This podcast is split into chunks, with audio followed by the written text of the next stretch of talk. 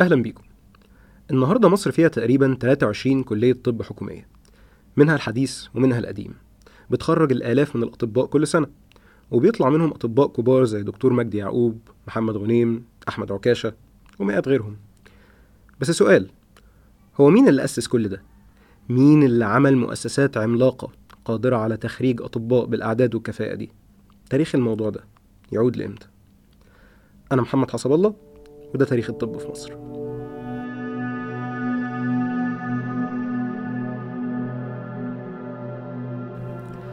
إحنا عارفين إن القدماء المصريين كانوا متقدمين في علوم كتيرة منها الطب بدليل البرديات زي بردية أدوين سميث اللي تعتبر clinical guide للجراحات وعلاج الإصابات المختلفة وحتى خطوات ال examination بمفهومنا النهارده يعني اللي كان بيعملها الطبيب المصري وقتها.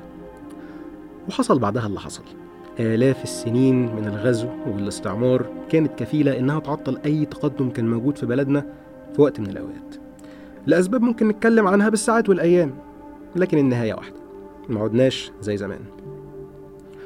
أعتقد أبلغ من وصف الحالة دي كان الطبيب أحمد الرشيدي اللي كتب في مقدمة كتابه اللي صدر في 1833 إن علم الطب كان قد اندرس رسمه وانمحى من بلادنا أثره ووسمه بعد أن كانت له ولغيره ينبوعا أصليا ومخزنا لادخاره غنيا مليا. فصار الجهال يتشدقون بذكره في المجالس ويحادثون الناس به على حسب ما خطر لهم في الهواجس.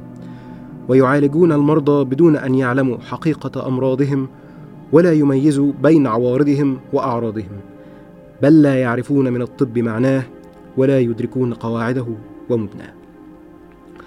بصرف النظر عن العربي المجعلص والسجع الكتير ده إلا إن في ضوء المقدمة دي أحب أرجع للأسئلة اللي قلناها من دقيقتين وأزود عليهم. مين اللي فكر يغير الوضع ده ويصلحه؟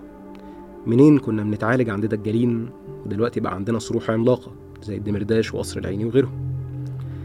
الإجابة على الأسئلة دي ممكن نلاقيها في كتاب عظيم جدا للمؤرخ الرائع الدكتور خالد فهمي وهو كتاب السعي للعدالة اللي بيتكلم عن التاريخ الحديث لمصر.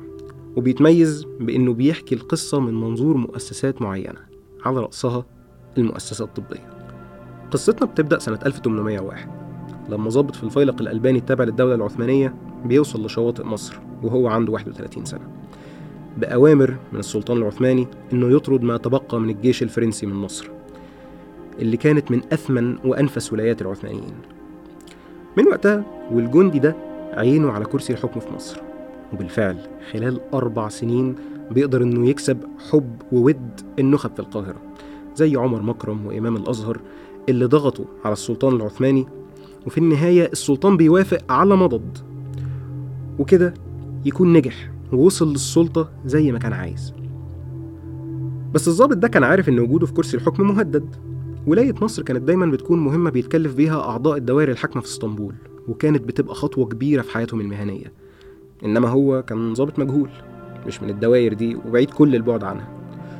ووصل للكرسي ده بضغط من الناس وكان مصدر شرعيته الوحيد هو الفرمان أو القرار بتاع السلطان اللي زي ما قلنا أصدر عن مضض. بالتالي هو كان عارف إن مفيش أي حاجة تضمن إنه ما يصحاش تاني يوم يلاقي نفسه بره الحكم. وده تسبب ليه في هواجس وقلق شديدين جدا وقرر إنه محتاج يعزز من شرعية حكمه. سأل نفسه سؤال هستمد الشرعية دي منين؟ هو ما كانش من الأشراف وبالتالي ما يقدرش يدعي الانتساب للرسول عليه الصلاة والسلام ولا كان غازي يقدر يفتح مصر. وكان غريب عن البلد وكان أمي ما بيعرفش يقرأ ويكتب. وعليه قرر إنشاء قوة عسكرية بغرض الدفاع عن منصبه العزيز. لو ما جمعتش كل ده الضابط اللي بنتكلم عنه هو محمد علي باشا. أول محاولة لإنشاء القوة العسكرية دي كانت في 1815 لكن فشلت فشل ذريع. وفي 1820 محمد علي باشا حاول يجمع جنود لجيشه من السودان فبعت حملتين فيهم آلاف الجنود من البلاد المجاورة. لكن الحملة دي برضه نهايتها كانت كارثية الجنود بتوعه كانوا بيموتوا من أمراض كتير جدا لدرجة إن في شهر واحد بس وصل عدد الوفيات ل 1500 جندي. وزيادة على كده كمان الحملة كان معاها ما يقرب من 20 ألف من الخدم. ودول ماتوا بأعداد كبيرة جدا واللي وصل منهم لأسوان في نهاية الحملة ما كملوش 3000 لدرجة إن وصفهم أحد الكتاب وقتها بإنك كنت تراهم يموتون كالأغنام. لكن كل ده اتغير في 1825 لما قابل طبيب فرنسي اسمه أنطوان بارتلمي كلو. لكن نظرا إن في اللغة العربية ما عندناش موضوع إن آخر حرف ما يتنطقش ده الطبيب ده اتعرف بعد كده باسم كلوت بيك وهو اللي أقنعه بإن ويلات الأمراض أكثر فتكا بالجنود من الجراح التي قد تصيبهم في المعارك. وما أعتقدش إن محمد علي احتاج إلحاح كتير عشان يقتنع. بعد اللي حصل لجيشه على مدار العشر سنين اللي قبل اللقاء ده. كلود بيك قال له إن أفضل وسيلة لحماية الجيش الجديد هي إنه يدرب أطباء مصريين بدل ما يطلب أطباء من أوروبا. وإن أفضل طريقة لتحقيق ده هي بإنشاء مدرسة طبية. وأقنعه بفايدة إنه يعلم عدد كبير من المصريين الطب. ويعينهم بعد كده كظباط صحيين في الجيش. وبالفعل محمد علي بيأمر بإنشاء مدرسة طبية ضخمة في صحراء أبو زعبل شمال شرق القاهرة وكانت أول منشأة طبية بالمعنى الحرفي تقام في مصر من 500 سنة وتم تعيين كلوت بيك في منصب كبير أطباء جيش مصر. كلوت بيك كتب في مذكراته إنه في بدايات المدرسة قال للباشا إن تعليم الطب لازم يكون قائم في الأساس على التشريح. لكن الرد جاله بأمر صارم بعدم المساس بأي جثث. كلوت بيك ما استسلمش وفضل ورا الباشا وراح اتكلم وناقش الشيوخ وعلى رأسهم الشيخ العروسي. اللي رغم إصرار كلوت بيك إلا إنه فضل رافض الموضوع تماما وقال له ما أنت عندك النصوص الطبية الموجودة من مئات السنين بالفعل تشرح ليه؟ كلوت بيك رد عليه وقال له إن الكتب ما فيهاش غير أفكار غير كاملة. وإن الجثث بعد ما بتدفن بتتحلل وبتبقى أكل للديدان. وقال له تشبيه. قال له هو مش الساعاتي مثلا بيحتاج إنه يعرف إزاي الساعة بتشتغل؟ طب مش هيحتاج إنه يفك أجزائها ويعيد تركيبها عشان يوصل للفهم ده؟ الصورة دي مع إلحاح كلود بيك أقنعت الشيخ وفي الآخر وافق لكلود بيك إنه يقوم بالتشريح التعليمي. جدير بالذكر هنا إن جزء كبير من الكتاب بيناقش بشكل نقدي أسباب الإنزعاج من التشريح في مصر وبره مصر حتى. وبيستنتج في الآخر إن رفض الشيوخ في الأول كان قائم على أسباب عديدة وبيتطرق للمسألة فقهيا كمان. يعني الموضوع ما ينفعش نختزله في جدال بسيط وتشبيه لذيذ يعني.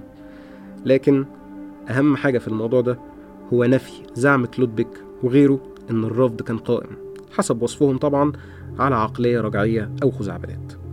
إنما كان بيرجع لأسباب وأفكار دينية وموروثات. وكمان بنعرف إن المشايخ وعامة المصريين كانوا تقبلوا التشريح في سياقات أخرى. دي مش قصتنا دلوقتي لكن كان لازم نقول ده. طيب خلاص كده؟ لا لسه. كلوت بيك كده كسب ود المشايخ وقدر إنه يحصل على جثث تصلح للتشريح. لكن كان فاضل له مواجهة واحدة وهي مع طلابه بيحكي كلوت بيك إن كان في اشمئزاز وريبة وخوف تجاه التشريح التعليمي في المدرسة لدرجة إن في مرة واحد من الطلبة بتوعه حاول يموته وكان الراجل هيسيب مصر فيها لولا إن القنصل الفرنسي نجح إنه يهدي كلوت بيك وأقنعه يكمل والدراسة بتستمر في المدرسة. بعد إنشاء المدرسة بعشر سنين يعني في 1837 كلوت بيك قال لمحمد علي باشا إن مكان المستشفى بعيد جدا عن القاهرة وده بيخلي الناس تدفع فلوس كتير جدا عشان توصل. واقترح عليه ينقل المستشفى لمكان أقرب للعاصمة. محمد علي استجاب وأمر بنقل المدرسة لقصر موجود في شارع مصر العتيقة كان بتاع واحد من أمراء المماليك في وقت سابق وكان بيستخدم وقتها كثكنة عسكرية. الأمير ده كان اسمه العيني باشا وعليه أصبحت مدرسة الطب والمستشفى التعليمي الملحقة بها في قصر العيني. دي كانت أول حلقة لينا. المرة الجاية هنتكلم عن المستشفى وإزاي كانت على أرض الواقع والمشاكل اللي كانت موجودة فيها وإزاي المصريين اتعاملوا معاها. هل تقبلوها ولا تجنبوها؟ مع السلامة.